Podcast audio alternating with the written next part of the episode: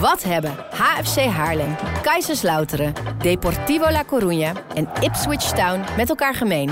Ooit stelden ze heel wat voor, Het ging een tijdje heel erg goed in de jaren 90. Dan mag je tegen het grote Bayern München spelen.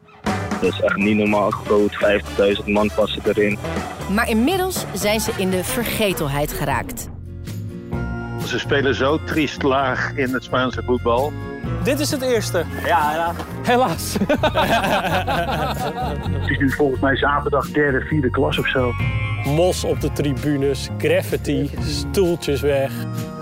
Ja, dood en begraven en al verstrooid ook eigenlijk. Voetbalgekken Kevin en Metin gaan met hun vrienden langs bij zes voetbalclubs. Weet je, je voetbalhart gaat gewoon harder kloppen. Als er dan nog zoveel emotie bij zit, dan is er een extra dimensie.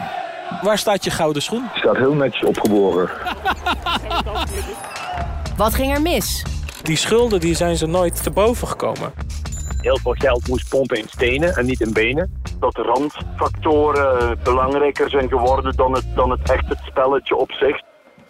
Ja, dan degradeer je. Dan kom je in een financiële trouble. Ze halen herinneringen op met hun culthelden Ik ben zo blij dat we hem straks gaan bellen. Hallo, goeiedag. Had je toen al wel je snor en je mat of niet? Nee, zeker niet. Ik had toen een schijn in het midden en de lok. en de supersterren van weleer. De credits moet je echt aan Marco geven, want dat was een, echt een, een ongelooflijk doelpunt natuurlijk hè, van die kant af. Ik heb nog nooit met een Player of the Year van het Engelse hoogste niveau aan de telefoon gezeten. Oprecht een eer. De Groundhoppers. Te beluisteren op je favoriete podcast-app.